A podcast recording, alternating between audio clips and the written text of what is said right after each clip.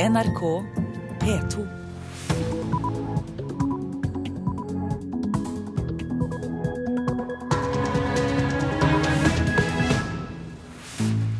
Velkommen til eh, Nyhetsmorgen onsdag 22. januar. Nå klokka 6.30 er dette overskriftene våre. Den norske rettsmedisineren som skal vitne i Kongo-saken er bekymret for hvordan vitnemålet blir oversatt i retten. Oslo Høyre sier trolig ja til rushtidsavgift. Flere tusen deltidsbrannmenn mangler grunnleggende utdanning. Svært alvorlig, mener direktør ved Norges brannskole, Roar Johansen. Så det er klart at de trenger eh, akkurat den samme kompetansen som de som jobber i en, et heltidsbrannvesen. Voksne politikeres drittkasting på Facebook skremmer ungdom bort fra politikken, sier ordfører. Ungdommen har nok mye å lære den litt eldre generasjonen når det kommer til sosiale medier. Det ordfører i Alta, Laila Davidsen. Mer fra henne etter hvert her i Nyhetsmorgen, som i dag er ved Øystein Heggen. Den norske rettsmedisineren som skal vitne i Kongo-saken, er bekymret for hvordan vitnemålet hans blir oversatt i retten. I går strevde tolken med å oversette ord som er sentrale i saken. Arne Stray Pedersen, rettsmedisiner fra Norsk folkehelseinstitutt, skal vitne på vegne av Kripos, trolig i morgen. Jeg har oversatt alle ting til fransk. Jeg snakker ikke fransk, men uh, forhåpentligvis ta det sakte og, og jeg er jo vant til å legge fram saker i norsk rett, og det er for ikke-medisinere. Så det er å gjøre det på en eh, forståelig måte.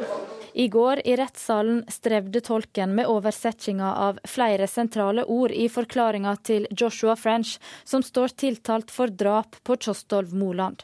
Nå har retten pause, men fredag skal Stray Pedersen truleg vitne.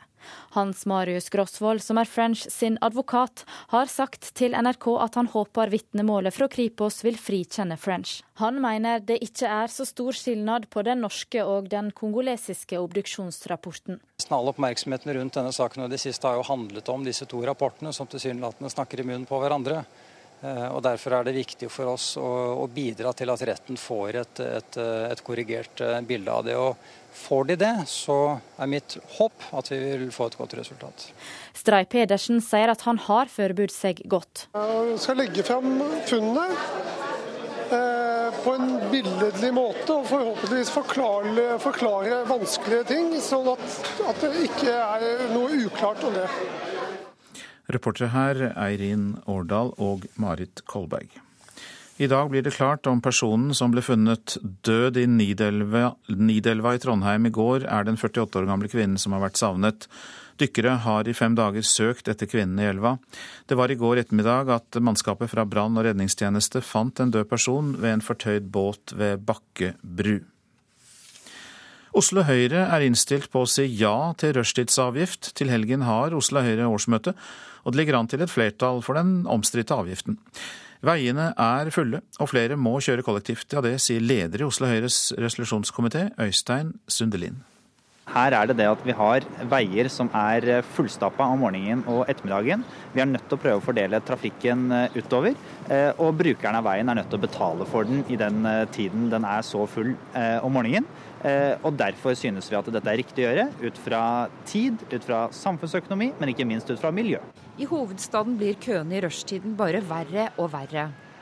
Det skaper en viss hodepine for befolkningen og politikerne i byen.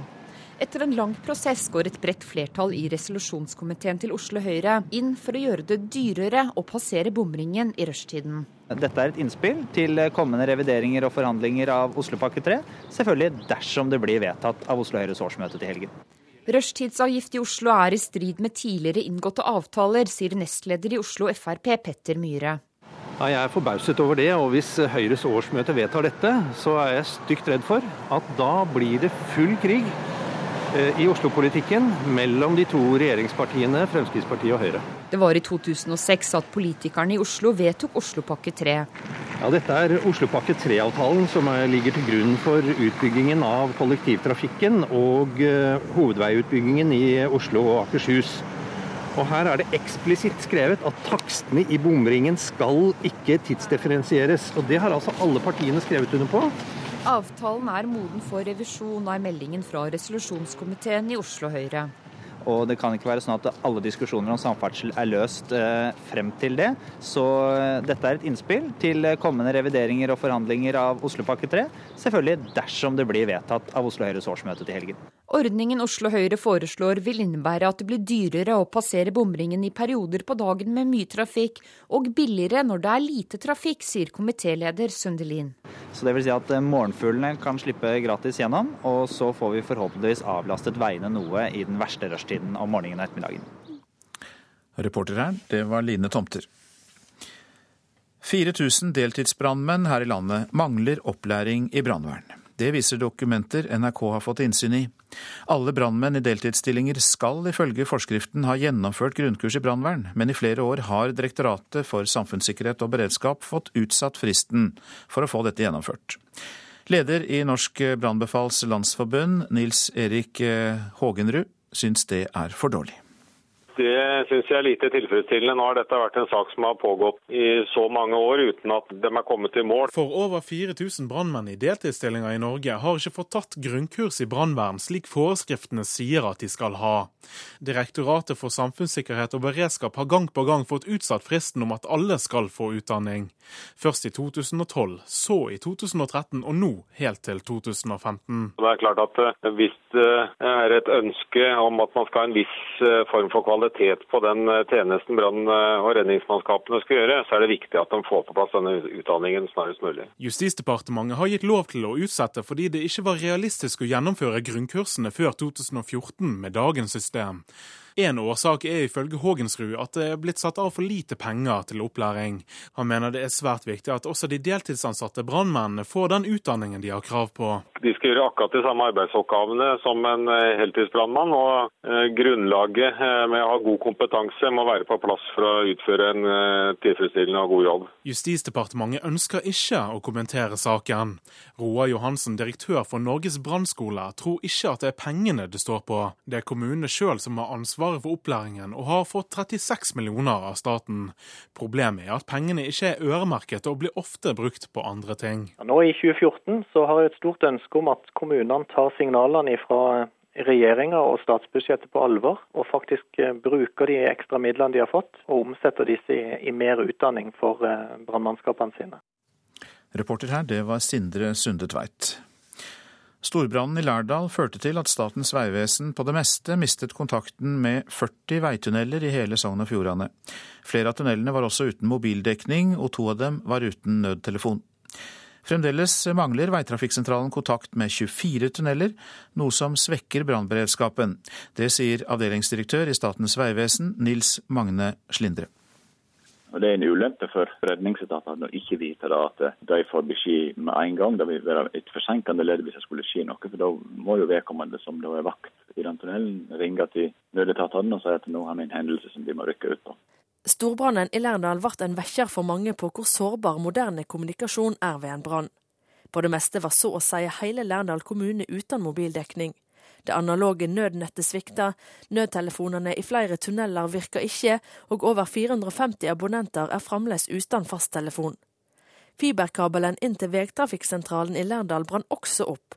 Dermed mista Statens vegvesen den direkte kontakten med 40 tunneler spredd over hele Sogn og Fjordane.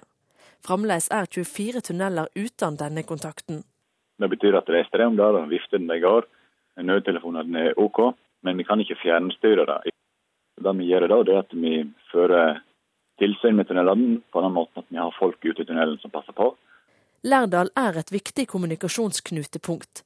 Når Telenor sin stasjon i Lærdal ble totalskadd i brannen, førte det til store problem. Beredskapssjef Håvard Stensvann sier denne brannen på lik linje med uværet Dagmar er en vekker. Vi mener at alle myndigheter må ha en plan for hvordan en skal håndtere en situasjon der de ordinære telekommunikasjonene ikke fungerer. Dekningsdirektør i Telenor Bjørn Amundsen sier det er umulig å gardere seg mot slike store hendinger. En sånn katastrofe som dette, hvor flere titalls hus brenner ned. Det klarer man aldri å gardere seg mot. Og det, det, tror jeg faktisk ikke er realistisk at man kan si at vi skal håndtere det veldig mye bedre enn det man har gjort nå. Og det var Kjellrun Lavik som var reporter her. Vi må alle bli flinkere til å varsle om vanskjøtsel av dyr. Det sier leder i Troms bonde- og småbrukarlag, Margrethe Vikeran. I forrige uke ble en mann fra Sør-Troms dømt til betinget fengsel etter at 13 av sauene hans sultet i hjel. Ofte er det en personlig tragedie bak slike tilfeller, sier Vikran. Alle kan ha perioder i livet som ikke er så lett å takle. Og da er nok bondenæringa mer sårbar enn andre, i og med at vi stort sett jobber alene. Og at det er uh, levende dyr vi jobber med, og ikke en ren papirflytting. Så konsekvensene er så mye større. Vi hører stadig oftere om tragedier der husdyr som sau, kyr og hester har blitt så dårlig ivaretatt at de har mista livet pga. sult og underernæring. I ei lita bygd i Finnmark fant Mattilsynet nylig to hester som hadde bukka under for sult. I forrige uke ble en mann fra Sør-Troms dømt til ubetinga fengsel og aktivitetsnekt etter at 13 av sauene hans sulta i hjel. Eh, jeg tror kanskje ikke det har blitt flere av de, men de kan bli kanskje oppdaga. Det sier regionsjef i Mattilsynet, Katrine Flostrand. Mattilsynet har jo i oppgave å sikre god dyrevelferd, men vi har mange vi skal føre tilsyn med, og vi er helt avhengig av at folk uh, følger med og sier fra hvis de ser noe som er mistenkelig, eller at de er rett og slett bare bekymra. Leder i Troms bonde- og småbrukarlag mener man kan bli enda bedre på å bry seg. Det er viktig at vi tar vare på hverandre. Det er viktig at uh, vi som bønder ser hverandre og, og har tida til en kaffekopp en gang iblant. Det er viktig at Eh, de som er rundt oss, også ser hva som skjer rundt i bygden. Reporter Martin Mortensen. Så var det avisforsidene i dag. Forfatteren Jon Fosse mener Den nasjonale scene svikter nynorsken og dermed fornærmer halve Vestlandet, skriver Bergenstidene. Teatret bør miste nasjonalstatusen, for det er ikke annet enn bergenspatriotisk teater, sier den verdenskjente dramatikeren. Det er en urettferdig beskyldning i et så godt nynorskår som dette. Mitt privilegium er at jeg er teatersjef og ikke Jon Fosse. Det svarer teatersjef Agnete Haaland ved Den nasjonale scene. Lærerne nekter å gi slipp på ferieuker, skriver det Dagens Næringsliv. Kommunenes organisasjon KS krever kortere ferier og flere uker på jobb for lærerne. Isfronten mellom partene kan føre til storstreik i vårens lønnsoppgjør, skriver avisa. Nav-ansatte bruker én av fire arbeidstimer på annet enn klienter, skriver Aftenposten. Kurs, opplæring, møter, veiledning og arkivering er noe av det som tar 25% av tida til de ansatte i Nav, viser en kartlegging. Få av foreldrene til barneranerne som er tiltalt i Oslo, følger barna sine i retten, skriver Dagsavisen. Derimot er en av fedrene tiltalt for å ha påvirket vitner i saken. Arbeiderpartiets justispolitiker Jan Bøhler er bekymret og rystet. Han sier foreldrene til de tiltalte barna må hjelpe dem med å finne en ny og lovlydig framtid. Klassekampen skriver om Frp-fella, at partiet sliter mer enn SV gjorde i regjering. Minerva-journalist og tidligere Frp-medlem Jan Arild Snoen sier til avisa at Frp kan leve med lave enkeltmålinger, men at et opprør vil trenge seg fram dersom Frp stabiliserer seg under 10% oppslutning. Gift i barnas klær, skriver Bergensavisen. En rapport fra Greenpeace dokumenterer at både baby- og barneklær fra kjente kjeder og merkevareprodusenter inneholder helsefarlige kjemikalier. Forbrukerrådet etterlyser strengere regler. Økende skjevhet kan hindre vekst, er oppslaget i Vårt Land. De 85 rikeste personene i verden eier like mye som verdens 3,5 milliarder fattigste. Det er moralsk betenkelig og kan hindre økonomisk vekst, mener den humanitære organisasjonen Oxfam.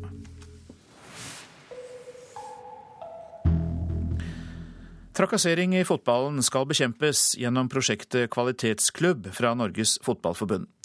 Og temaet er høyaktuelt etter at tidligere Stabæk-spiller Leni Larsen Kaurin sto fram og fortalte at hun ble trakassert av sin trener. Her er kommunikasjonssjef Svein Graff i Fotballforbundet. Vi tydeliggjør uh, dette mer enn før nå. Uh, denne uka lanserer vi Kvalitetsklubbprosjektet. Der er trygg atferd uh, et eget punkt, hvor vi skjerper fokus og ordlyden ytterligere på å forebygge og hvordan vi skal behandle saker som handler om trakassering, overgrep. Etter at Leni Larsen Kaurin forrige uke sto frem med sin historie, har hun opplevd en voldsom pågang av henvendelser fra andre som har opplevd det samme. Da NRK møtte henne i går, sa hun dette. De forteller om at de blir eh, alt fra utpressa til at det kommer så langt at de nesten Altså, de godtar det sjøl. At det er normalt. Eh, Dette er et tabu, det er noe man ikke skal snakke om. De mange historiene viser at det er behov for tiltak mot trakassering i fotballen. Svein Graff i NFF sier temaet må få en tydeligere plass i trenerutdanningen. Vi har jo et eh, stort og omfattende tema som heter eh, fair play, hvor respekt, verdier, etikk og moral selvfølgelig inngår. Men trakassering spesielt bør få en tydeligere plass i trenerutdanningen enn det vi har i dag. Svein Graff i Fotballforbundet til reporter Hilde Liengen. Dette er Nyhetsmorgen, og klokka den passerte nettopp kvart på sju. Dette er noen av våre saker. Den norske rettsmedisineren som skal vitne i Kongo-saken, er bekymret for hvordan vitnemålet blir oversatt i retten. Oslo Høyre er innstilt på å si ja til rushtidsavgift. Til helgen har Oslo Høyre årsmøte, og det ligger an til et flertall for den omstridte avgiften. Flere tusen deltidsbrannmenn her i landet mangler grunnleggende utdanning. Svært alvorlig, mener direktør ved Norges brannskole, Roar Johansen.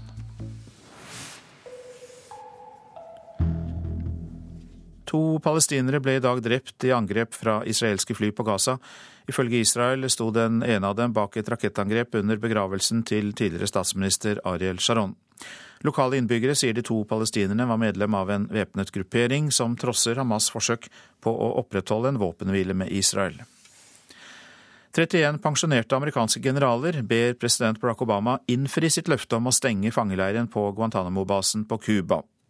I et brev sier generalene at eh, så lenge fangeleiren fins, undergraver den USAs status som en rettsstat og et land der menneskerettigheter betyr noe.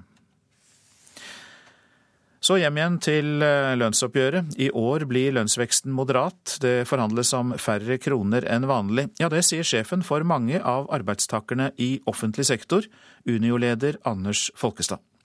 Grunnen er usikkerhet om norsk økonomi. 3,5% lønnsøkning er et passe utgangspunkt før lønnsoppgjøret starter. Det sier Folkestad. Det blir litt lavere lønnsvekst i år enn det har vært tidligere. Eh, vi kan ikke by oss på fire- og femtall eh, i år. Vi eh, må lenger ned. 3,5% er det passe? 3,5% er et tall å ta utgangspunkt i. Både ligger i budsjettene, det er nå én ting, men sånn tradisjonelt prisvekst og forventa produktivitet, det, det, gir sånn ca. 3,5. Og, og skal vi ha framgang, så, så eh, må vi ta utgangspunkt i det.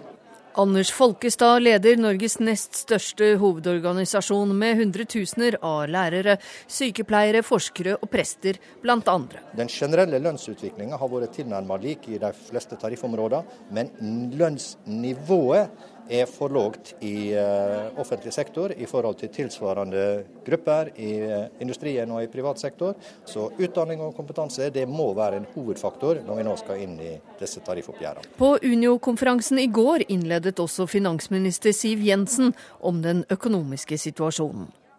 Finansministeren vil ikke blande seg i lønnsoppgjøret, annet enn å si at vi nordmenn har et høyt lønnsnivå som vi skal være glade for å beholde. Jeg holder meg helt unna å kommentere på lønnsoppgjøret. Det er partenes ansvar. Jeg tror det vil være veldig lite klokt av finansministeren å blande seg inn i det på dette tidspunktet. Men eh, det er sånn at det er litt usikkert hvordan det går med økonomien nå. Fordi at eh, våre handelspartnere gjør det ikke særlig bra, og vi ser allerede at det rammer bedrifter hos oss. Jeg hørte hva Anders Folkestad sa, og jeg er helt sikker på at eh, alle går grundig gjennom og tenker over konsekvensene både for norsk økonomi på kort og lang sikt. Det har eh, for så vidt en lang tradisjon for å gjøre. Eh, jeg må bare forvente og legge til grunn at, at man også gjør det i år. Norsk industri må betale 70% høyere lønn enn i de landene vi handler mest med. Og fordi industriens konkurranseevne er normgivende for resten av lønnsoppgjørene, også i år, skal heller ikke offentlig sektor ta ut mer enn det som er forsvarlig altså 3% pluss i lønnsvekst. Det er Anders Folkestad helt enig i. Men det kommer til å skjerpe kampen om profil og om hvordan pengene skal fordeles. Unio-leder Anders Folkestad til reporter Hedvig Bjørgum. Voksne politikere må holde seg for gode til drittkasting på Facebook. Ja, det sier ordfører i Alta, Laila Davidsen. Hun er redd det vil skremme ungdommer vekk fra politikken. Facebook er såpass uformelt, og når det er store politikere og partiledere som er å snakke med vanlige folk på Facebook, så kan det være enklere å, å prøve å få kontakt med dem og snakke og si meninga si. Han følger med på hva de sier. Bare 16 år, men allerede medlem av Unge Venstre i hjembyen Alta. Sivert Isaksen Barth har en fremtid i politikken dersom han ikke lar seg skremme. Alle unge i dag, omtrent alle unge, er jo på Facebook. Eh, og da ser man statsoppdateringene som både lokalpolitikere og store politikere legger ut, i tillegg til at man ofte har venner som eh, deler meningene sine. Og det er jo med på å gjøre ungdom mye mer politisk bevisst, eh, og også kan det være med på å engasjere dem til å faktisk ta et tak sjøl. Jeg syns jo det er flott hvis flere unge blir rekruttert, eh, men vi ser jo også eksempler på faktisk det motsatte, at unge går ut av politikken pga. opplevelser de har bl.a. på sosiale medier. Sier ordfører for Høyre i Alta, Laila Davidsen.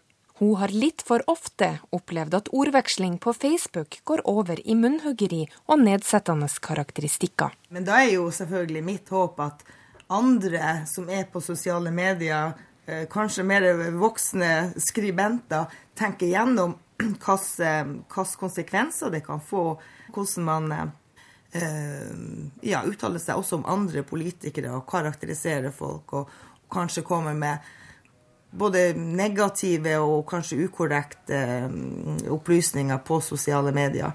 Før stortingsvalget i fjor høst fulgte 20% av unge mellom 15 og 24 år en eller flere toppolitikere på Facebook. De unge vet når de skal snakke og tie i sosiale medier.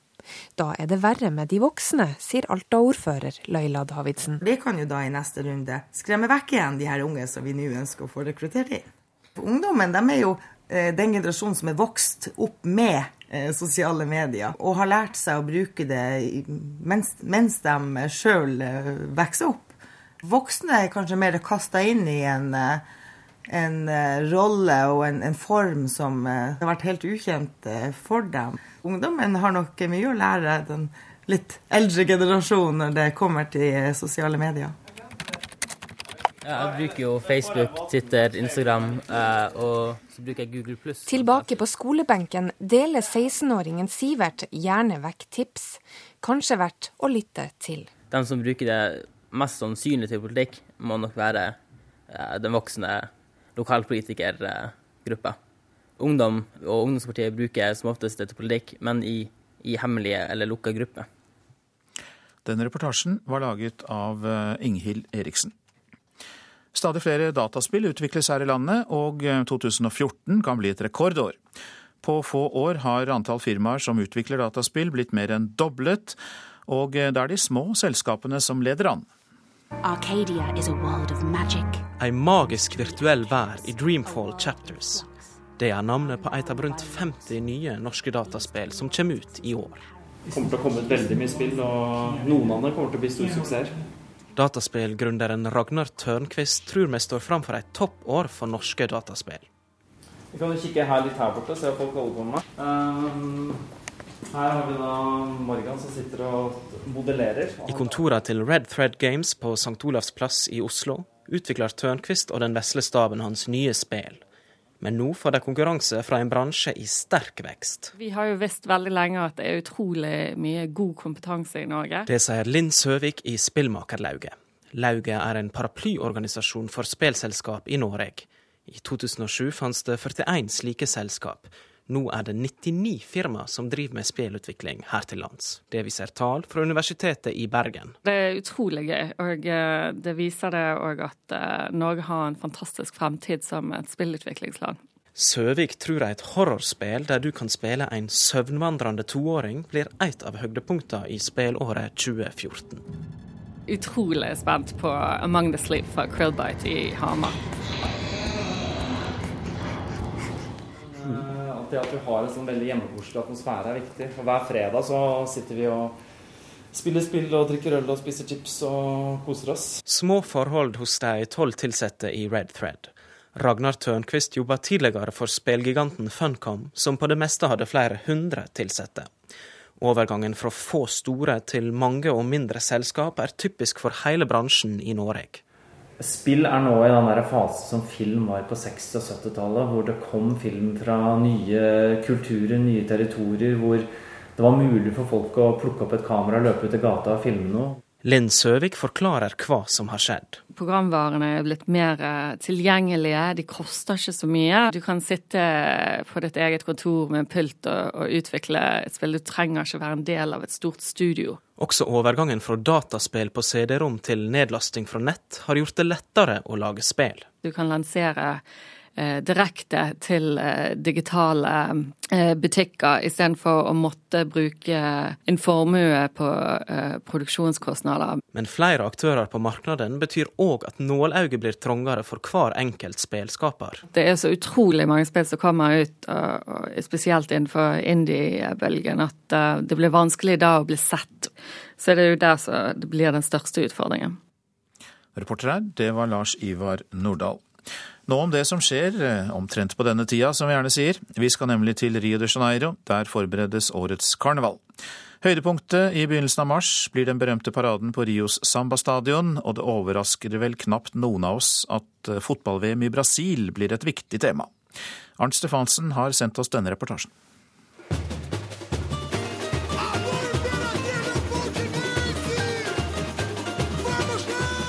Imperatrice Leopoldinense en av Rio de Janeiros fremste sambaskoler hyller fotballstjernen Zico i sin parade under årets karneval. Han driblet skjebnen og seiret over livets hindre. Han reiste verden rundt med fotballen som pass, men han kom alltid tilbake til sitt elskede Brasil, heter det i årets karnevalssang om Zico en av de største spillerne i Brasils fotballhistorie. En karnevalsparade er en gigantisk teaterforestilling med rundt 5000 deltakere fra hver sambaskole, og det er regissøren og Carnavalesco som bestemmer. E é lógico que detalhes da carreira, Selvsagt handler paraden om Sicos karriere og viktige seire, sier Calle Rodriguez, som er carnavalesco for imperatris Leopoldinense. Men jeg ønsket å ta et kunstnerisk grep, og valgte å spille på Sicos tilnavn. Han heter egentlig Arthur Coimbra, men fansen kaller ham kong Arthur og dermed hadde jeg hele mytosen rundt denne historiske figuren å spille på, sier regissøren.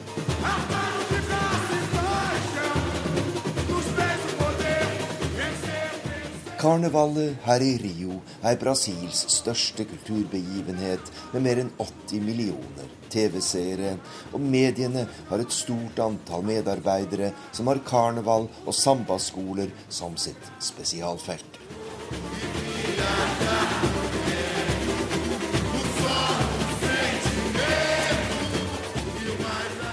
Så til værvarselet her hjemme. Fjell i Sør-Norge, til dels sterk kuling utsatte steder i vest og nord, oppholdsvær. Østlandet for det meste skyet, stort sett opphold. Telemark og Agder liten kuling på kysten, stiv kuling vest for Oksøy. Litt snø, vesentlig i ytre strøk. Rogaland stiv kuling utsatte steder, sterk kuling på kysten i sør, skyet, stort sett opphold. Så ser vi Hordaland, Sogn og Fjordane, Møre og Romsdal og Trøndelag samlet i dag. Det blir eh, stiv kuling utsatte steder, skyet eller delvis skyet, stort sett opphold. Nordland perioder med liten kuling på Helgeland og ytterst i Lofoten, ellers stort sett pent vær. Troms skyet, delvis skyet oppholdsvær. Finnmark i eh, Varangerfjorden kortvarig stiv kuling, fra i formiddag eh, løyer det til bris. Stedvis tåkeskyer på vidda, og sør i Øst-Finnmark ellers til dels pent vær også der. Nordensjøland på Spitsbergen snø av og til, til dels sludd. Temperaturer som ble målt klokka fire i natt. Og da er det massevis av minustemperaturer. Svalbard lufthavn minus tre, Kirkenes elleve, Vardø tre, Alta tolv, Tromsø og Bodø fire, Brønnøysund én, Trondheim, Værnes fire, Molde fem. Så kommer den enslige plussgraden i Bergen, én grad. Så er det minus igjen. Stavanger minus 1, Kristiansand-Kjevik 3, Gardermoen 10, Lillehammer 13, Røros 16 og Oslo-Blindern minus 8. Det var altså temperaturene målt klokka fire.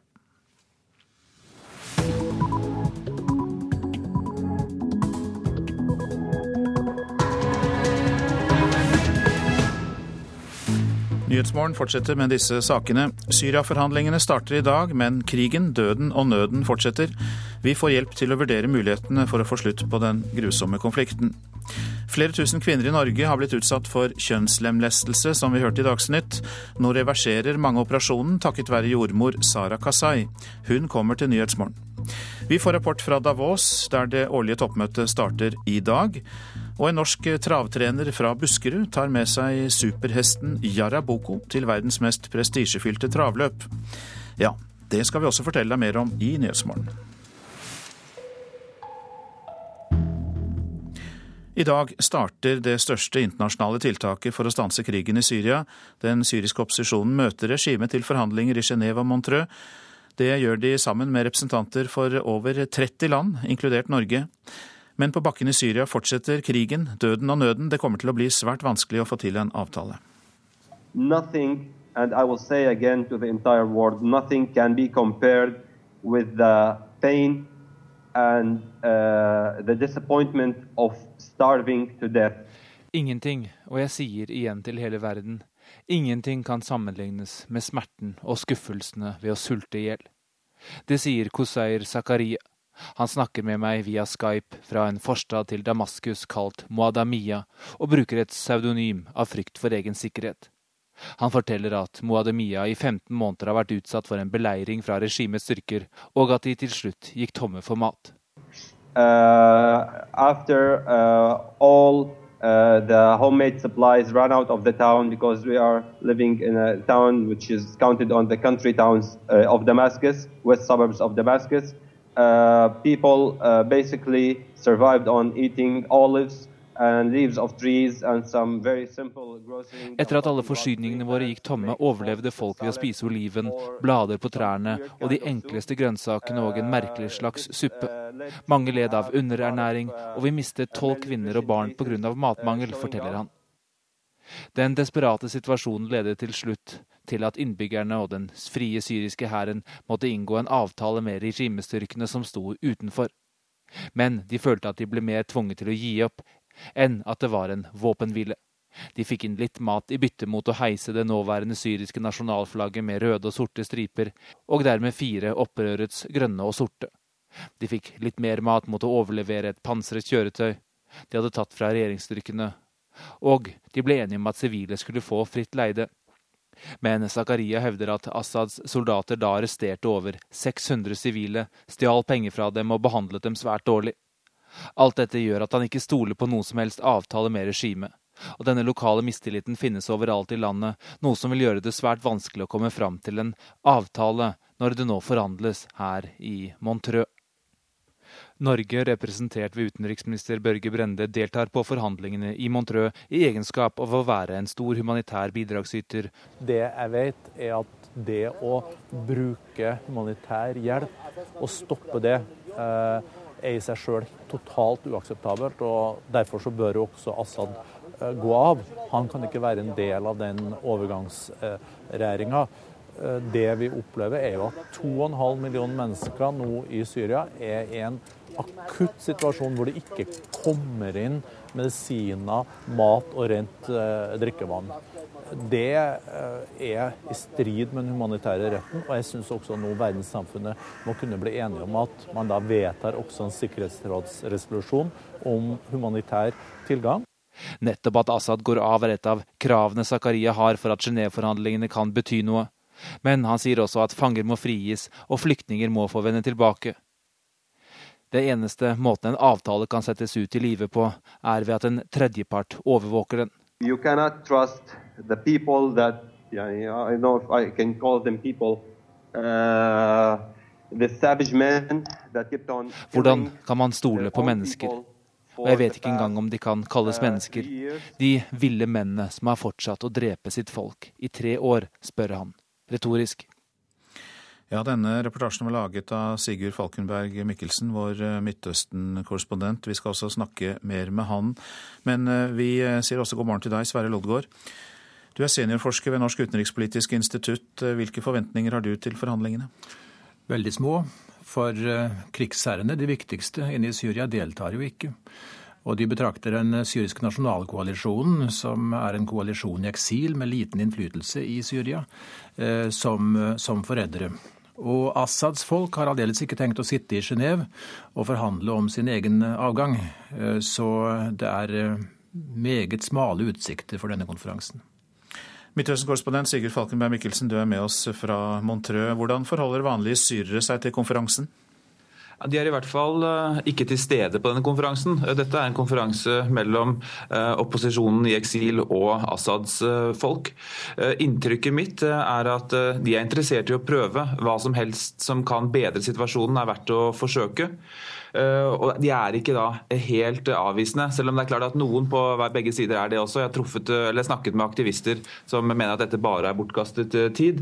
Eh, men det som er viktig for folk, det er å få til en våpenhvile. Det er det absolutt viktigste. Og så får spørsmålet om Assad skal gå av eller ikke komme i andre rekke. Vi holder kontakten med deg videre, Sigurd Falkenberg Mikkelsen. Nå til deg, Sverre Lodgaard. Hvorfor har det vært så vanskelig å få til eh, disse forhandlingene? Hvorfor har det tatt så lang tid?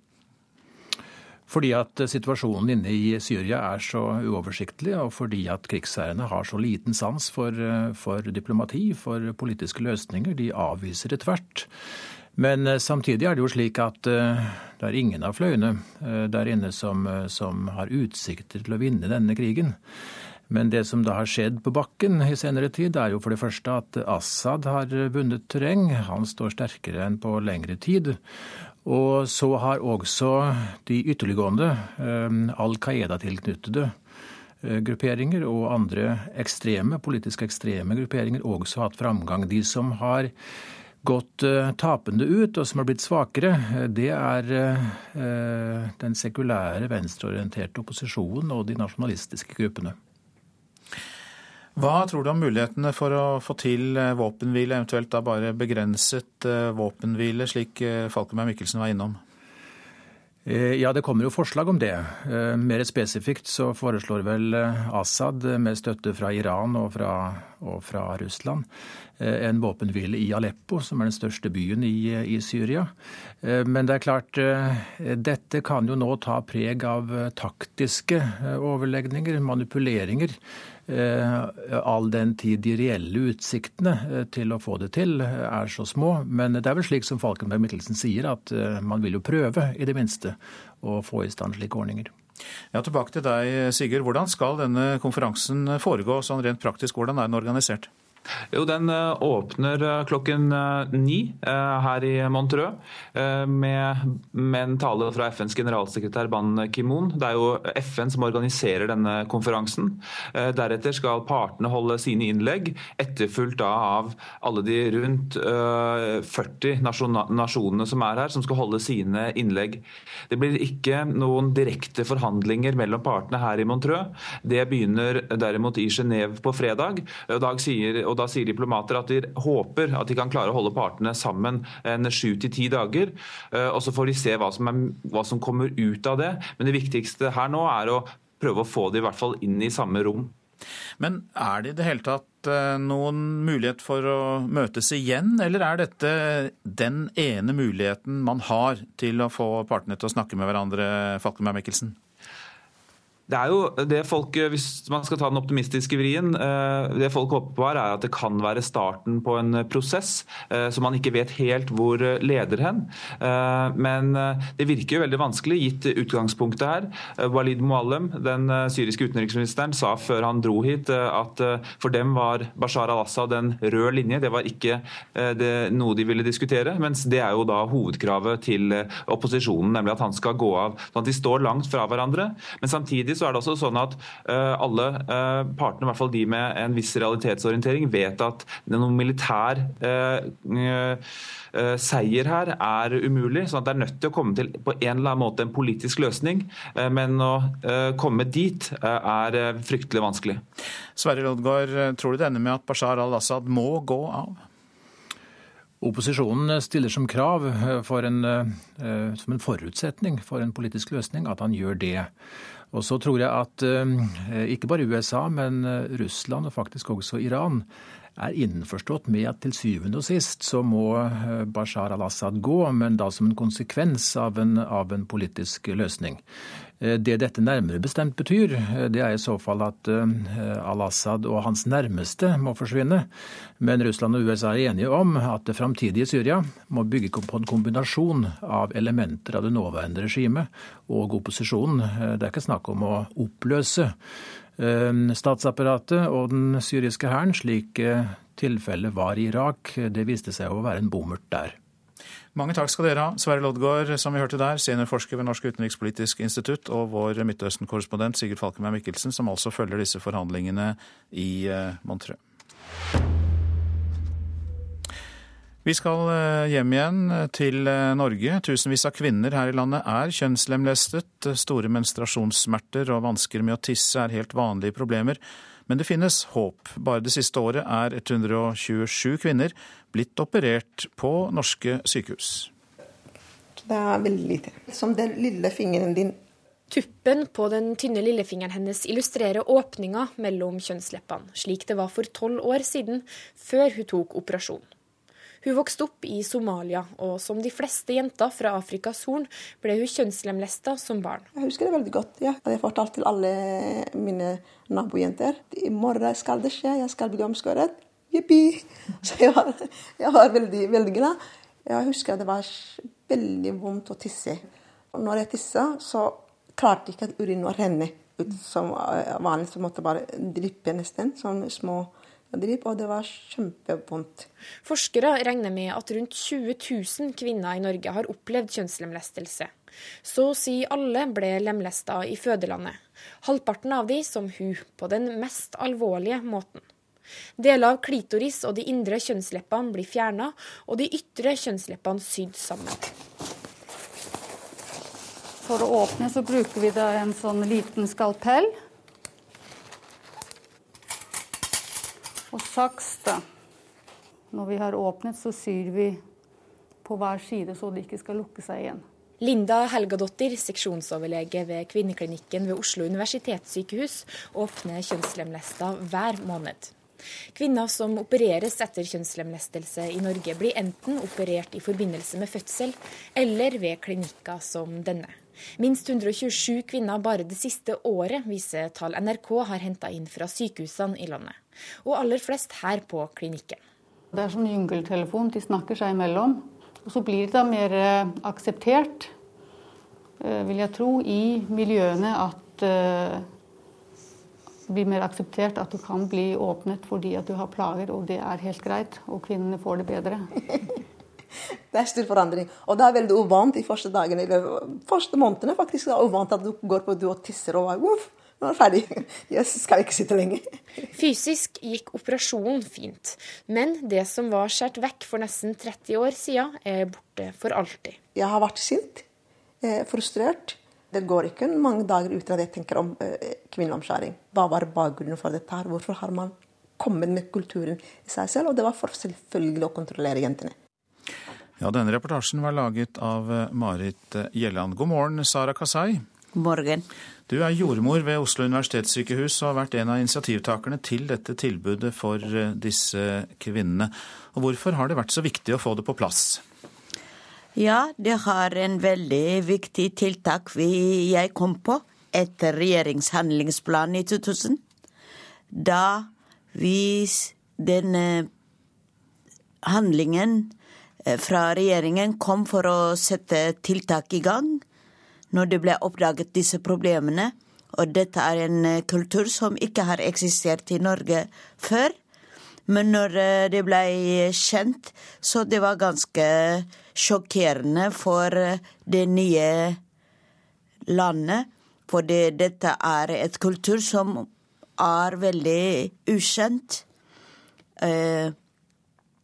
Og det er ganske uakseptabelt, det som har skjedd mot disse unge jentene og kvinnene. Og da ble det dannet et stort prosjekt etter handlingsplanen i 2000, og det heter prosjektet OK. Det betyr omsorg og kunnskap. Var veldig, jeg var veldig opptatt at Eller prosjektet var opptatt i hvert fall inkludere de som er berørt av dette, slik at vi finner en felles løsning for å få kvitt denne problemet, i hvert fall du er jo jordmor ved Oslo universitetssykehus, eh, Sara Kasai, og eh, du har jo gjort en eh, kjempejobb der med å få dette tilbudet til. Men hvordan er det for andre kvinner i andre deler av Norge? I hvert fall etter vi har startet med prosjektet, så det første vi gjorde, var jo å, å lage et ordentlig oppmerksomhet med problemet og gi kunnskap og omsorg både til de berørte miljøene og til de fleste sykehusene i Norge, mm. slik at de blir kjent hva det handler om, og hvordan vi skal gi et omsorg og, og forebyggende arbeid i forhold til de berørte miljøene. Hva forteller eh, kvinnene til deg om eh, møtet med helsesystemet, når de nå har dette problemet etter eh, denne, denne kjønnslemlestelsen? I hvert fall eh, det har vi vært oppe og omskolert helsepersonellet til å bli kjent med det nye problemet. Og kvinnene eh, henvender seg til helsesystemet Norge for å få hjelp. Det kan være i forbindelse med samlivsproblemer eller menstruasjonsproblemer og smerte av forskjellige årsaker. Og det vi var veldig opptatt av at uh, Helse Norge skal få informasjon om denne saken, og slik at de kan tilby et konkret og god hjelp til de som er berørt av dette. Mange takk for at du kom til oss i Nyhetsmorgen, jordmor ved Oslo universitetssykehus og initiativtaker til dette tiltaket, Sara Kasai. Takk skal du ha. Mm.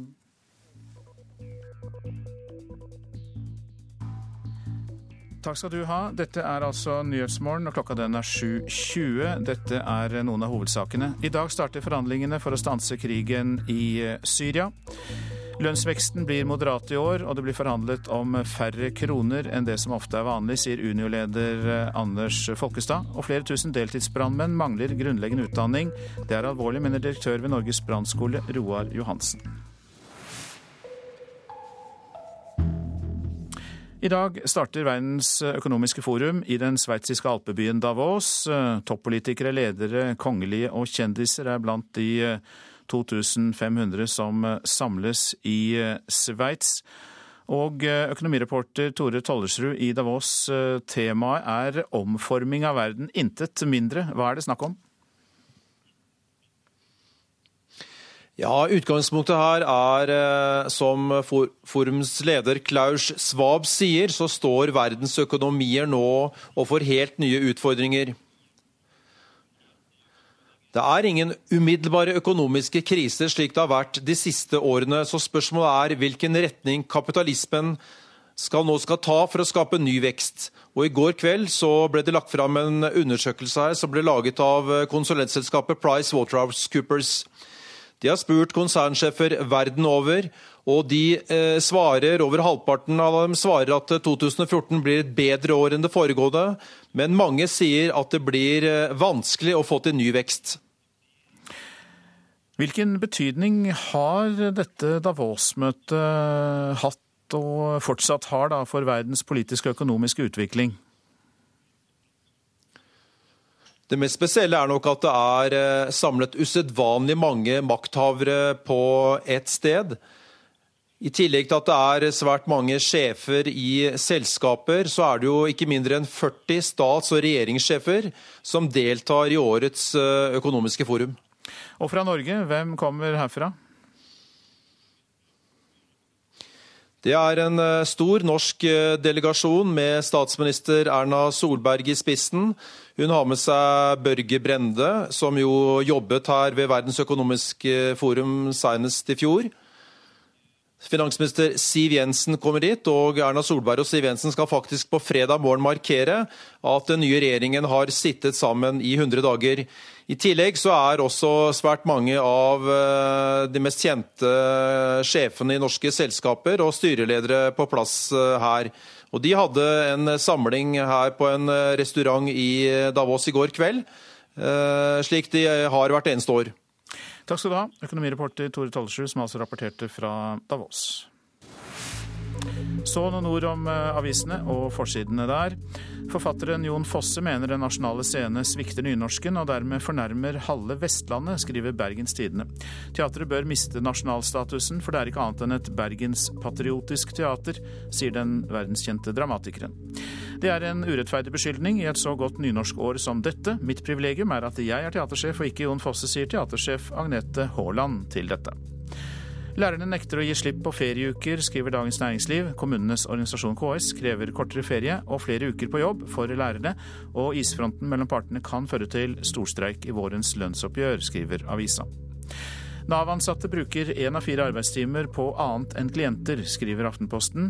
Kurs, opplæring, møter, veiledning og arkivering er noe av det som tar 25% av tida til de ansatte i Nav, viser kartlegging. Få av foreldrene til barneranere som eh, er tiltalt i Oslo, følger barna sine i retten, skriver Dagsavisen. Derimot er en av fedrene tiltalt for å ha påvirket vitner i saken. Arbeiderpartiets justispolitiker Jan Bøhler er bekymret og rystet. Han sier foreldrene til de tiltalte barna må hjelpe dem med å finne en ny og lovlydig framtid. Klassekampen skriver om Frp-fella, at partiet sliter mer enn SV gjorde i regjering. Minerva-journalist og tidligere Frp-medlem Jan Arild Snoen sier til avisa at Frp kan leve med lave enkeltmålinger, men at et opprør vil trenge seg fram dersom Frp stabiliserer seg under 10% oppslutning. Gift i barnas klær, skriver Bergensavisen. En rapport fra Greenpeace dokumenterer at både baby- og barneklær fra kjente kjeder og merkevareprodusenter inneholder helsefarlige kjemikalier. Forbrukerrådet etterlyser strengere regler. Økende skjevhet kan hindre vekst, er oppslaget i Vårt Land. De 85 rikeste personene i verden eier like mye som verdens 3,5 milliarder fattigste moralsk betenkelig, og det kan hindre økonomisk vekst, mener den humanitære organisasjonen Oxfam.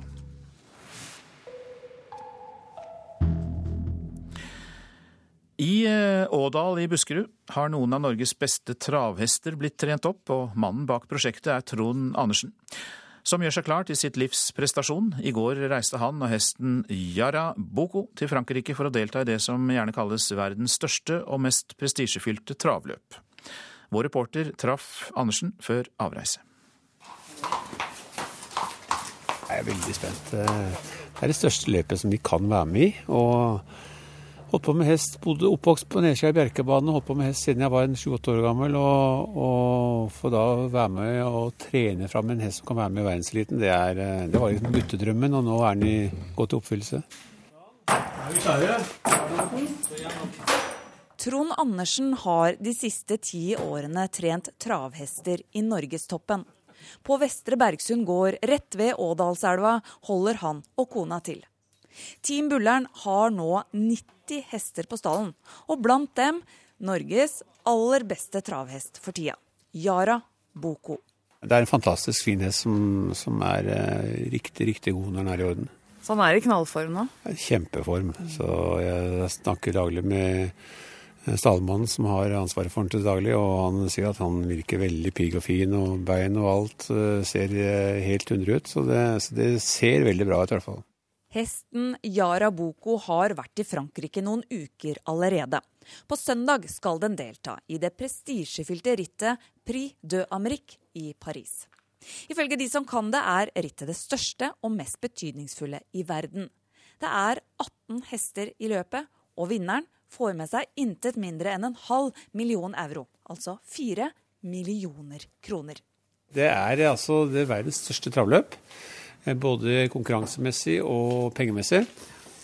Eh, så det er, det er, eh, det er et prestisjefullt løp som det er Ja, den som går til topps der, det er, det er de bedre hestene som finnes i verden. Så det er en underdrivelse å si at dette er stort? Ja, det er det. Og det er veldig pressedekning på det løpet der nede. Så det blir fullt trykk, trykk fra onsdag og utover. Det er klokka ni skal jeg ut og kjøre med dem på morgenen. Og da, da er det TV-selskaper og journalister overalt som skal være med og følge med på, på den siste harde økta han skal få. Så, nei, så det er stort. Det med transporten er veldig stor, og særlig i Frankrike. Sånn, da er vi klare for en ny treningsøkt. Hvor lenge skal du holde på nå? Ja, nå er jeg ute litt over en time. Trond Andersen begynte som profesjonell hestetrener for kun ti år siden. Likevel har han en lang merittliste. To ganger har han blitt kåret til årets trener. Stallen hans i Ådalen har vært den mestvinnende de siste ni årene. Og nå skal altså guttedrømmen oppfylles. Og hva sier magefølelsen deg? Har en dagsform og kusken har dagsform, så, så er det mulig at vi kan være blant de tre. Og gjør vi det, så er det kjempebra. Og bare så det er sagt, Yara Boko vant generalprøven i Paris forrige søndag. Men eh, treneren våger ikke å drømme om førsteplassen riktig ennå. Ja, det hadde vært som å vinne i Lotto for uh, både meg og eier. Så, så det, det, det, hadde vært voldsomt stort. Også. Ja, da blir det nok noen flasker champagne etter hvert, hvis, hvis det skulle skje. Ja, det sa travtrener Trond Andersen til reporter Anette Skafjell. Vi har fått melding om at en demonstrant i den ukrainske hovedstaden Kiev er skutt og drept. Det opplyser medisinsk personell. Det har siden i går eh, vært eh, sammenstøt mellom demonstranter og politi i sentrumsgatene. Politiet gikk i morgentimene til angrep på demonstrantene, som har kastet stein og brannbomber mot eh, politiet. Du lytter til Nyhetsmorgen. Redd Barna krever at fredskonferansen i Syria må sette barna på dagsorden. Mer etter Dagsnytt. Norges milliardbidrag til EU for å betale for EØS-avtalen skal opp til debatt i Politisk kvarter. Prosent for Nyhetsmorgen er Vidar Eidhammer. Her i studio Øystein Heggen. Og før vi slipper til Dagsnytt, så minner jeg om eh, nettstedet radio.nrk.no, der du kan lytte til radio direkte, spole deg tilbake, høre alle NRKs kanaler, eller plukke opp et program som har gått for lenge siden.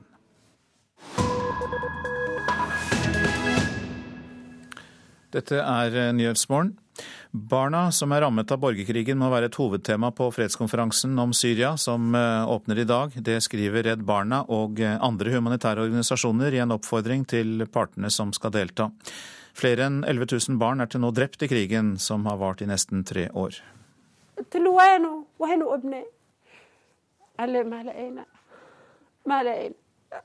En mor gråter over sitt døde barn. Motasem var bare 15 år gammel da moren Rukaya sendte ham av gårde til nabolandsbyen for å kjøpe noe hun trengte. Hun så ham aldri igjen. Rukaya forteller om panikken da hun fikk høre at det hadde brutt ut kamper i nabolandsbyen. Om fortvilelsen da mannen kom gråtende hjem etter å ha lett etter sønnen og ikke funnet ham om den grenseløse sorgen da Motasem ble funnet til slutt, skutt og torturert, så ille tilrett at moren ikke fikk se liket. Og mens hun tviholder på sin døde sønns armbåndsur, spør hun hvordan kunne de gjøre dette?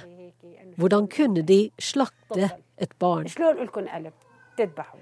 Redd Barna, FNs høykommissær for flyktninger Antonio Guterres og fredsprisvinner Desmond Tutu er blant dem som står bak det åpne brevet som er stilt til partene og de internasjonale aktørene på Genévekonferansen.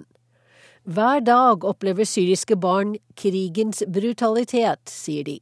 De blir såret, de blir drept og de må flykte fra sine hjem. Brevskriverne vil ha en garanti om trygge leveranser av livsviktige medisiner og annen bistand til barna i Syrias beleirede byer. Og aller først på dagsordenen i Genéve enighet om tiltak for å beskytte barn på skoler, sykehus og i tettbefolkede områder. Over 70% av de 11 000 syriske barna som har mistet livet i borgerkrigen, er drept av eksplosiver.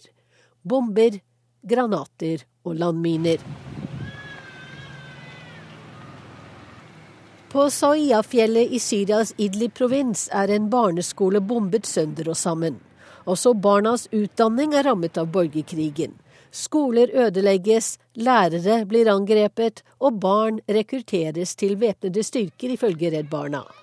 Men lille Hiba føler seg heldig nå.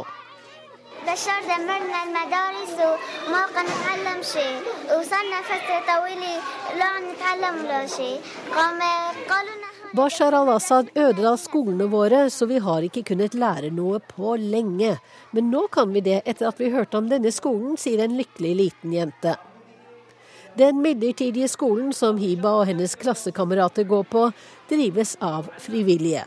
De er bekymret for hva som skjer med barn som ikke får skolegang i opptil tre år pga. krigen. قمنا بإنشاء هذه المدرسة المتواضعة في مناطقنا المحررة بعد أن قصف هذا النظام الغاشم المتوحش قرانا Vi har etablert denne enkle skolen i de frigitte områdene for å beskytte våre unge barn. Beskytte dem mot regimets trussel om analfabetisme og uvitenhet, sier den frivillige læreren Ayman. Skolebarna i Idlib bryr seg nok ikke om fredskonferansen i Genéve i dag. Spørsmålet er om de voksne i Genéve bryr seg om barna i Idlib.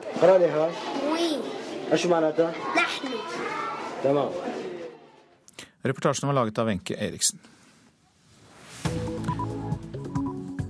Dette er Nyhetsmorgen, og dette er eh, hovedsaker. Tusenvis av kvinner i Norge har opplevd kjønnslemlestelse, men mange velger å reversere lemlestelsen på norske sykehus. I dag starter den store fredskonferansen om Syria i Montreux i Sveits. Der skal den syriske opposisjonen møte regimet til samtaler sammen med representanter fra over 30 land. Lønnsveksten blir moderat i år, og det blir forhandlet om færre kroner enn det som har vært vanlig. Det sier Unio-leder Anders Folkestad. Grunnen er usikkerhet i norsk økonomi.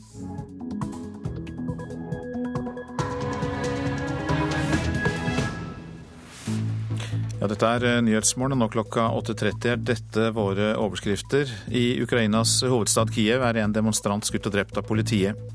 Fredskonferansen om Syria starter i dag. Seniorforsker ved Norsk utenrikspolitisk institutt, Sverre Lodgaard, har eh, få forventninger. Krigsherrene, de viktigste inne i Syria, deltar jo ikke. Og de betrakter den syriske nasjonalkoalisjonen som, eh, som forrædere. Flere tusen kvinner i Norge har blitt utsatt for kjønnslemlestelse, men nå reverserer mange ved operasjon ved norske sykehus. Lærerne nekter å gi etter for krav om flere arbeidsuker og mindre fri i skoleferiene. Ja, I Ukrainas hovedstad Kiev er minst én demonstrant på Maidanplassen skutt og drept av politiet i morgentimene i dag. For to dager siden døde en annen demonstrant ved en ulykke i konfrontasjon med politiet. Og Moskva-korrespondent Hans-Wilhelm Steinfeld, eh, fortell mer om det som skjedde i morges. Jo, eh, ved eh, åttetiden så brøt opprørspolitiet gjennom barrikadene til demonstrantene på Grosjevskij-gaten i Kiev. Viste levende TV-overføring. Og det var under tumultene der at denne demonstranten ble skutt drept og brakt til likhuset, hvor politietterforskere nå er til stede og undersøker den drepte demonstranten. Sammen med legen, naturligvis. Og Hvordan døde den første demonstranten for to dager siden? Det skjedde eh, fordi demonstranter kastet Molotov-cocktails mot opprørspolitiet fra eh, et 13 meters eh, inngangsparti ved fotballstadion i Kiev, som ligger like ved Khrusjtsjatik og Maidanplassen. Og så falt en av demonstrantene som kastet Molotov-cocktails, ned fra denne 13 meters lange portalen med søyler som ligger i bakken opp mot, eh, mot parlamentet, og døde i fallet. Så det er nå to døde som følge av konfrontasjonen i Kiev. Hvor eh, farlig kan dette bli for den politiske situasjonen at liv har gått tapt? Både ukrainere og russere eh, reagerer veldig, veldig hardt når liv går tapt. Man sier jo at slavene elsker sine martyrer. Og eh, med to liv tapt blant demonstrantene på Euromaidan, som de kaller seg selv for, så har jo opposisjonen mot myndighetene nå fått to tapte å dyrke. Og det vil kunne føre til eh, betydelig skjerpelse av deltagelsen. Og det har jo vært eh, det siste døgnet 100, 100 000 mennesker i aksjon på Maidanplassen, så dette er farlig for myndighetene. Ukraina, et stort europeisk land eh, sammensatt. Hvor splittet er nå den ukrainske delen av befolkningen og den russiske etniske? De har nok vært splittet, skjønt også russisk ungdom beklaget at ikke det ble en avtale med visumfrihet til EU-området i november. Spørsmålet om tap av ukrainske liv vil føre til en eh, antagonisering mellom denne russiske eh, gruppen, som utgjør en 27% av befolkningen, det gjenstår jo å se. Men de var veldig splittet under oransjerevolusjonen i 2004. Mange takk for at du var med oss, Moskva-korrespondent Hans-Wilhelm Steinfeld. Tusenvis av kvinner i Norge er kjønnslemlestet. Store menstruasjonssmerter og vansker med å tisse er helt vanlige problemer, men det finnes håp. Bare det siste året er 127 kvinner blitt operert på norske sykehus. Det er veldig lite. Som den lille fingeren din. Tuppen på den tynne lillefingeren hennes illustrerer åpninga mellom kjønnsleppene, slik det var for tolv år siden, før hun tok operasjon. Hun vokste opp i Somalia, og som de fleste jenter fra Afrikas Horn ble hun kjønnslemlesta som barn. Jeg husker det veldig godt. ja. Jeg fortalte til alle mine nabojenter i morgen skal det skje, jeg skal bli omskåret. Jippi! Så jeg var, jeg var veldig, veldig glad. Jeg husker det var veldig vondt å tisse. Og når jeg tissa, så klarte ikke urinen å renne ut som vanlig. Så måtte bare dryppe nesten, sånne små og det var kjempevondt. Forskere regner med at rundt 20 000 kvinner i Norge har opplevd kjønnslemlestelse. Så å si alle ble lemlesta i fødelandet.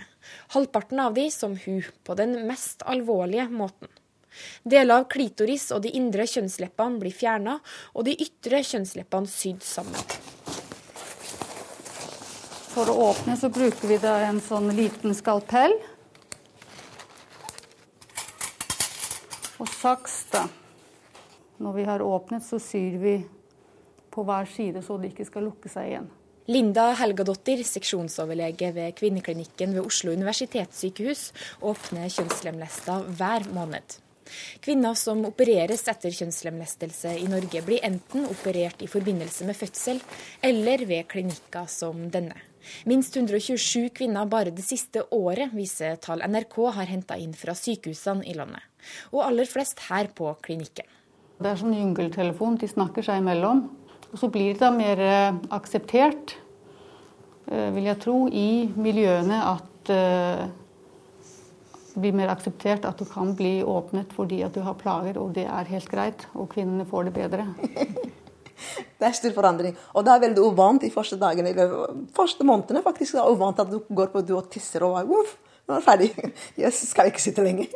Fysisk gikk operasjonen fint, men det som var skåret vekk for nesten 30 år siden, er borte for alltid. Jeg har vært sint, eh, frustrert. Det går ikke mange dager uten at jeg tenker om eh, kvinneomskjæring. Hva var bakgrunnen for dette? her? Hvorfor har man kommet med kulturen i seg selv? Og det var for selvfølgelig å kontrollere jentene. Og det var eh, Marit Gjelland som hadde laget denne reportasjen. I dag starter det største internasjonale tiltaket for å stanse krigen i Syria. Den syriske opposisjonen møter regimet til forhandlinger i Genéve og i Montreux i Sveits. Det gjør de sammen med representanter for over 30 land, inkludert Norge. Men på bakken i Syria fortsetter krigen, døden og nøden, og det kommer til å bli svært vanskelig å få til en avtale. Nothing and I will say again to the entire world, nothing can be compared with the pain and uh, the disappointment of starving to death. Ingenting, og jeg sier igjen til hele verden, ingenting kan sammenlignes med smerten og skuffelsene ved å sulte i hjel. Det sier Koseir Zakaria. Han snakker med meg via Skype fra en forstad til Damaskus kalt Moadamia, og bruker et pseudonym av frykt for egen sikkerhet. Han forteller at Muademia i 15 måneder har vært utsatt for en beleiring fra regimets styrker, og at de til slutt gikk tomme for mat. Uh, after uh, all uh, the homemade supplies ran out of the town because we are living in a town which is counted on the country towns uh, of Damascus, west suburbs. Uh, uh, basically survived on eating olives etter at alle forsyningene våre gikk tomme, overlevde folk ved å spise oliven, blader på trærne og de enkleste grønnsakene og en merkelig slags suppe. Mange led av underernæring, og vi mistet tolv kvinner og barn pga. matmangel, forteller han. Den desperate situasjonen ledet til slutt til at innbyggerne og den frie syriske hæren måtte inngå en avtale med regimestyrkene som sto utenfor. Men de følte at de ble mer tvunget til å gi opp enn at det var en våpenhvile. De fikk inn litt mat i bytte mot å heise det nåværende syriske nasjonalflagget med røde og sorte striper, og dermed fire opprørets grønne og sorte. De fikk litt mer mat mot å overlevere et pansret kjøretøy de hadde tatt fra regjeringsstyrkene, og de ble enige om at sivile skulle få fritt leide. Men Zakaria hevder at Assads soldater da arresterte over 600 sivile, stjal penger fra dem og behandlet dem svært dårlig. Alt dette gjør at han ikke stoler på noe som helst avtale med regimet. Og denne lokale mistilliten finnes overalt i landet, noe som vil gjøre det svært vanskelig å komme fram til en avtale når det nå forhandles her i Montreux. Norge, representert ved utenriksminister Børge Brende, deltar på forhandlingene i Montreux i egenskap av å være en stor humanitær bidragsyter. Det jeg vet, er at det å bruke humanitær hjelp og stoppe det, eh, er i seg sjøl totalt uakseptabelt. og Derfor så bør jo også Assad eh, gå av. Han kan ikke være en del av den overgangsregjeringa. Eh, det vi opplever, er jo at 2,5 millioner mennesker nå i Syria er i en akutt situasjon hvor det ikke kommer inn medisiner, mat og rent eh, drikkevann. Det eh, er i strid med den humanitære retten, og jeg syns også nå verdenssamfunnet må kunne bli enige om at man da vedtar også en sikkerhetsrådsresolusjon om humanitær tilgang. Nettopp at Assad går av er et av kravene Zakaria har for at Genéve-forhandlingene kan bety noe. Men han sier også at fanger må frigis og flyktninger må få vende tilbake. Det eneste måten en avtale kan settes ut i livet på, er ved at en tredjepart overvåker den.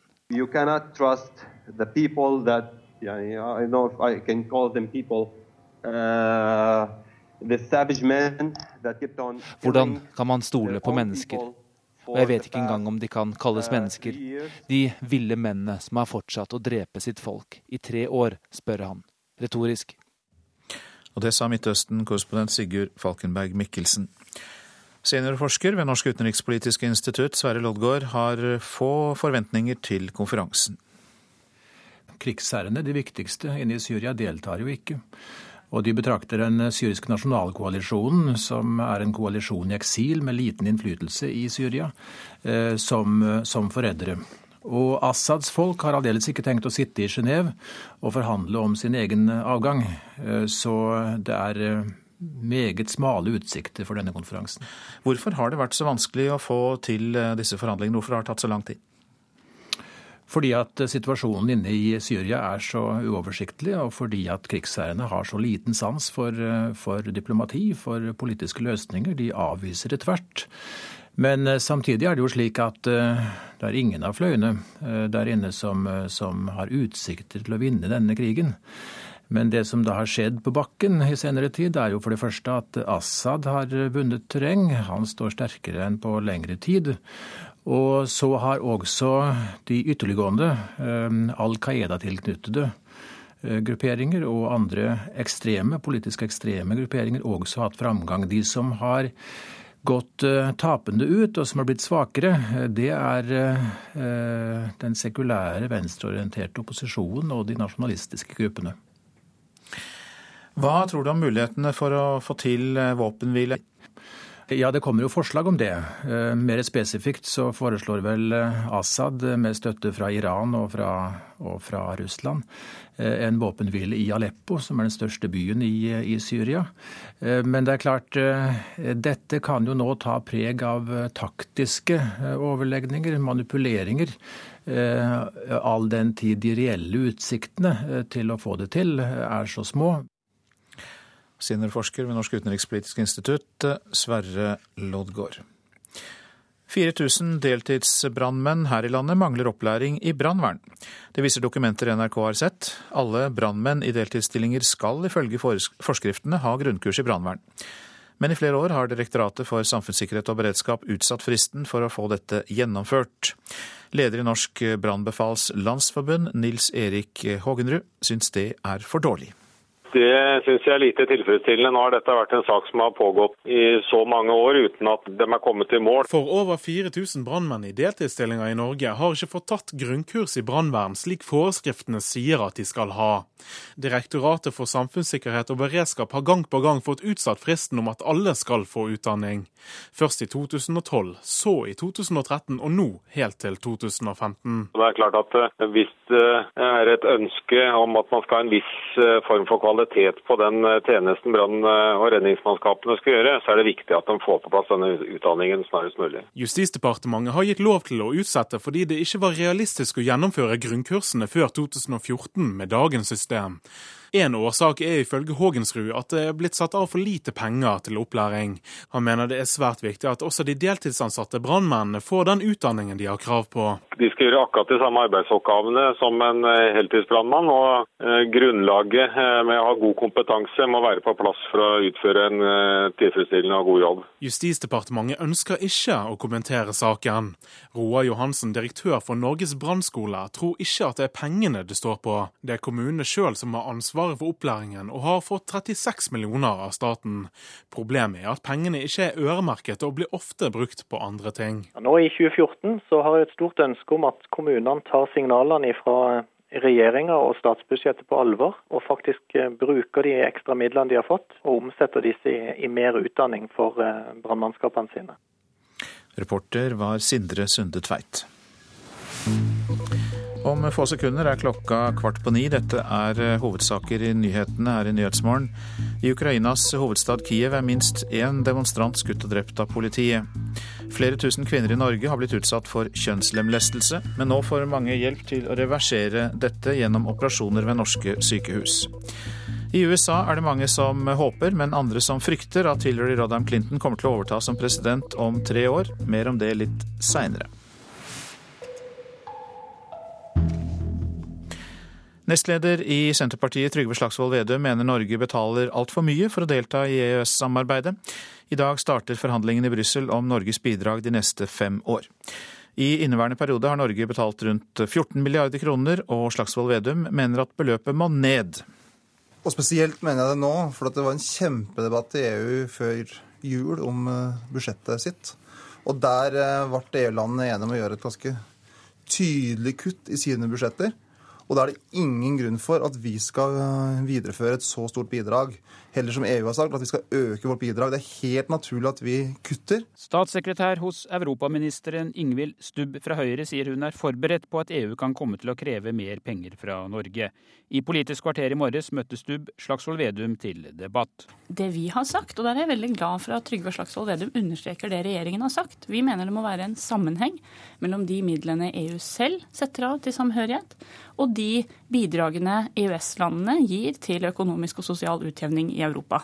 Og når EU setter sine midler ned, så mener vi det er naturlig å se det i sammenheng. Samtidig med forhandlingene om bidraget til EU de neste fem årene, starter forhandlingene om markedstilgangen for fisk i Europa.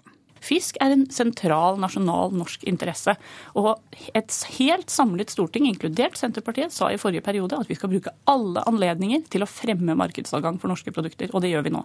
Slagsvold Vedum, du reagerer jo på denne koblingen mellom eh, fisk og milliardbevilgninger til EU. Hvorfor gjør du det? Nei, men det er litt Hvis du ser på historien til eh, EØS-midlene når de kom i 93, så var det jo 200 millioner kroner i året. Det var en ganske liten bevilgning til, til å starte med.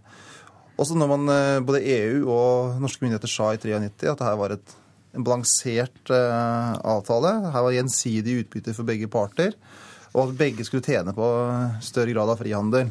Mens i tillegg så kom de EØS-midlene for å finansiere strukturen. Og så har man måtte, Gjennom åra har det blitt en mer og mer diskusjon at EØS-midlene skal være med å finansiere at vi har tilgang til et marked. Og det er jeg grunnleggende uenig, i, for at en handelsavtale skal da være, ha en gjensidig utbytte. Og Hvis vi først begynner sånn, så burde vi ha begynt sånn også. F.eks. da en av EUs største eksportindustrier er jo næringsmiddelindustri og, og landbruk. Og dem har jo økt fra ca. 10 milliarder til i overkant av rundt, rundkant rundt 40 milliarder ja. i eksportverdi til Norge nå. Og Norge har aldri tenkt tanken engang på å si at nei, pga. at dere eksporterer mer landbruksprodukter til Norge, som er viktig eksportartikkel for dere, ja, så skal dere, penger, skal dere, betale penger, til oss. Altså, dette, er, dette, blir litt tullete. Altså, eh, Trygve Slagsvold Vedums eget parti satt i en regjering som økte finansieringsbidragene med over 20% og Den regjeringen førte akkurat samme forhandlingsstrategi som vi gjør nå, og sa at en avtale forutsetter en god markedsadgang for fisk. Denne debatten kunne Senterpartiet med fordel ha tatt da de satt i regjering. Og selvsagt er det også bare et høys, som man sier, at denne regjeringen ikke er opptatt av å ha et levedyktig landbruk. Det er vi selvsagt, og det jobber landbruksministeren med. Et utdrag fra Politisk kvarter der, som var ved Per Arne Bjerke. Lærerne nekter å gi etter for krav om flere arbeidsuker og mindre fri i skoleferiene. Kommunenes arbeidsgiverorganisasjon KS vil at eh, lærerne skal jobbe inntil 45 uker i året istedenfor 39, slik de gjør i dag. Kravet fra KS betyr at lærerne ikke skal ha rett til å ta ut avspasering i skoleferiene, slik de i praksis gjør i dag. Hvor lenge skal lærerne jobbe på kveldene etter at skoleklokka ringer og elevene har gått hjem? Dette er et sentralt stridsspørsmål i lønnsforhandlingene som pågår nå, skriver Dagens Næringsliv. KS vil kutte ned på kveldsjobbingen, men det er Ragnhild Lid i Utdanningsforbundet helt uenig i. Da må en forberede undervisninga for neste dag, og en må følge opp det arbeidet som er gjort um, den dagen. Det er dette som gir kvalitet i skolen. Men trenger lærerne å jobbe så mange timer på kveldene som de gjør i dag for å få det til? Ja, det er faktisk mange lærere som jobber flere timer eh, enn det som ligger i årsverket. Per Kristian Sundnes, som er arbeidslivsdirektør i KS, vil at rektorene skal kunne pålegge lærerne å korte ned kveldsjobbingen, for heller f.eks. å kunne ta etterutdanning i sommerferiene. Det kan være hensiktsmessig å gjøre i deler av det som i dag er sommerferie. Men eh, hvordan skal lærerne klare å forberede timene godt nok til neste dag hvis de må gå klokka fire? Vi har ikke tenkt å ta fra dem noe forberedelsestid i det hele tatt. Det er fremdeles i dag også tid som brukes til eh, etterutdanning og videreutdanning av lærerne eh, i den, det arbeidsopplegget de har nå. Eh, forskjellen er bare at den etterutdanning og den videreutdanningen foregår mens elevene er på skolen. Reporter her, det var Haldor Asvald. Nettstedet legelisten.no har registrert 14 eh, leger som så langt har valgt å reservere seg mot å henvise til abort. Daglig leder for eh, Legelisten, Lars Håkon Sørås, mener det er viktig informasjon til pasienter. Nei, Vi mener dette er relevant informasjon for, eh, for pasienter å vite om. Når man skal finne seg en ny fastlege, så er dette helt sikkert informasjon som mange pasienter vil ønske å vite om før de benytter seg mulighet til å velge en fastlege. Det er grunnen til at vi nå legger denne informasjonen ut. SV og Arbeiderpartiet driver en heksejakt på fastleger som vil reservere seg mot abort. Det mener nestleder i helsekomiteen på Stortinget, Kjersti Toppe fra Senterpartiet. Toppe støtter forslaget til regjeringen, og mener det er feil å gjøre spørsmålet om reservasjon mot å henvise til abort til en debatt om abort. Nei, Jeg syns det er en tendens til å drive heksejakt på enkelte leger. Så jeg tenker det er viktig at eh, begge sider roer seg litt ned og viser respekt for at dette er en vanskelig sak, og at en, en prøver å se begge sidene sitt syn. Da håper jeg at hun òg har respekt for at vi i SV og Arbeiderpartiet mener at eh, pasienten skal stå foran. Det er fastlegen sin jobb å gi pasientene de rettighetene de har krav på. Og vi mener at når det er stillingsbeskrivelsen demokratiet har gitt fastlegene, så får de medisinerne som ikke kan bidra til det, finne seg en annen jobb. Til slutt i denne ordvekslingen, det var Jette Christensen fra Arbeiderpartiet, og eh, først så hørte vi altså da Kjersti Toppe fra Senterpartiet. En av Kinas mest kjente menneskerettighetsaktivister står i dag for retten i Beijing. Han har bl.a. jobbet med å bekjempe korrupsjon, noe styresmaktene i Kina selv har sagt at de vil slå hardt ned på. Amnesty International ber om at advokaten Xu Xiyong må settes fri. Mye politi er satt opp i gatene rundt rettslokalet i Beijing når en av Kinas mest kjente menneskerettsaktivister i dag blir stilt for retten. Menneskerettsadvokaten Xu Zhiyong har i lang tid jobba for å bekjempe korrupsjon i Kina. Men i juli ble han arrestert, og i dag står han tiltalt for å ha samla folkemengder for å forstyrre offentlig ro. Forsvarsadvokaten har uttalt at han ikke har tro på at det blir en rettferdig rettssak. Shi Zhiyong har leia ei rørsle kalla Nye borgere-rørsla, som bl.a. jobber for å få kinesiske ledere til å offentliggjøre sine formuer. Seks andre medlem av rørsla skal også stilles for retten denne veka. Amnesty International ber om at Sju og hans medsammensvorne blir sett fri umiddelbart, og kaller samtidig kinesiske styresmakter for hykleriske. I think this crackdown really on him and other activists who have been associated with the New Citizens Movement is really a very hypocritical step. Jeg mener at det å slå ned på han og andre aktivister fra denne rørsla er et hyklerisk steg fra styresmaktenes side, som sjøl har uttrykt at de har som mål å slå ned på korrupsjon, sier Roseanne Rife, leder for Amnesty i Øst-Asia. Men fra kinesiske styresmakter sin side er beskjeden til de som kritiserer rettssaka klar. Xu Zhiyong er mistenkt for å ha brutt loven, og her i landet står ingen over den. Vi håper at andre land vil respektere Kinas selvstende, og ikke blande seg inn i Kinas interne saker, sier Hong Lei, talsmann for Utenriksdepartementet i Kina. Xi Jinping risikerer opp mot fem år i fengsel om han skulle bli dømt. Reporter Kjersti Hetland. En leder av den regjeringsvennlige rødskjortebevegelsen i Thailand er skutt og såret i et angrep. Kwan Shai Praipana, som har ledet tusenvis av rødskjorter i demonstrasjoner i det nordlige Thailand, satt utenfor huset sitt da ukjente gjerningsmenn skjøt mot ham i dag morges. Skyteepisoden kan bidra til å øke spenningen i landet etter at statsminister Yingluck Shinawat i går innførte unntakstilstand i Bangkok og provinsene rundt hovedstaden. Nå til USA. Det er tre år til Barack Obama går av som president, og det er mange i USA som håper, andre som frykter, at det blir Hillary Rodham Clinton som etterfølger ham. I've Hillary Clinton har, som hun sier, ikke vært politiker på flere år, selv om hun altså har vært utenriksminister i fire av dem. Men i perioden etter at hun ga seg som senator, har hun fått tid til å tenke på hva slags ledere det er som har bidratt til å gjøre USA til slikt et fantastisk land, og hva slags ledere USA trenger for at det skal forbli slik, ser hun. I've had a chance to think a lot about what makes our country so great? What kind of leadership is required to keep it great? Mange tolker slike uttalelser som en slags søknad, et forvarsel om hva som vil komme, altså at hun sier at hun stiller, og dermed formaliserer sitt kandidatur. I disse dager er det to år til de første primærvalgene i Iowa og New Hampshire, og før den tid så må mye gjøres, så det begynner snart å haste. Men selv om Hillary Clinton ikke har kommet ut av presidentskapet ennå, så er det komiteer som arbeider for henne, det samles inn penger, og hun møter aktører, tidligere medarbeidere og politiske venner som regnes som sentrale medspillere frem mot 2016.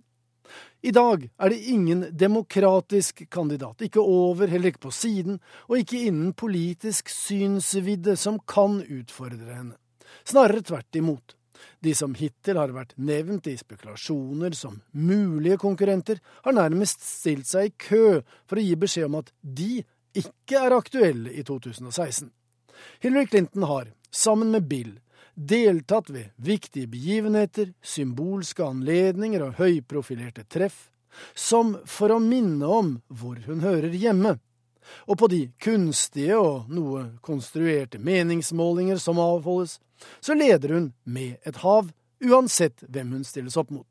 Men hun var en tidlig favoritt også i 2008. Så fikk Barack Obama vind i seilene, Clinton-teamet gjorde noen småfeil, og vips, så tapte hun. Nå går Bill og Hillary i fellesskap langt for ikke å ta nominasjonen på forskudd, slik mange hevder at de gjorde i 2008. Hun skynder seg langsomt, men enhver aktivitet som av observatører blir oppfattet som et skritt i såkalt riktig retning, blir registrert og kommentert i mediene.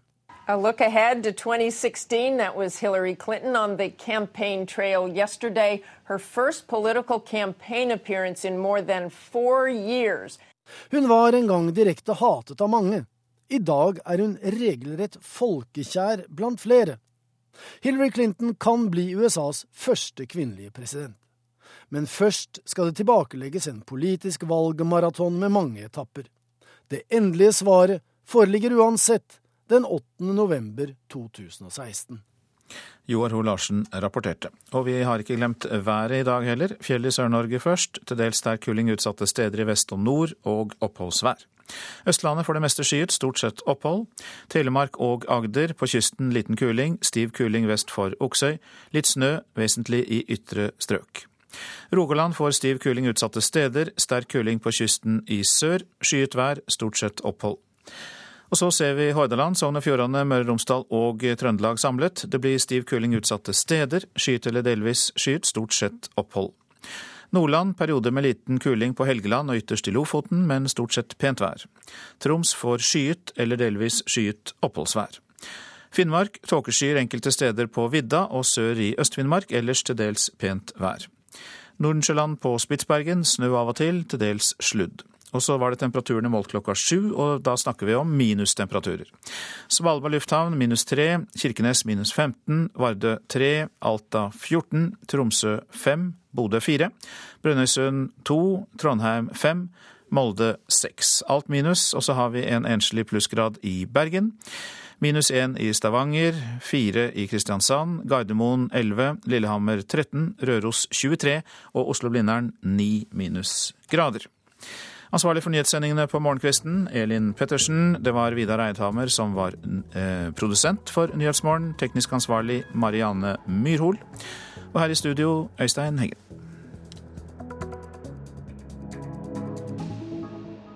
Hør flere podkaster på nrk.no podkast.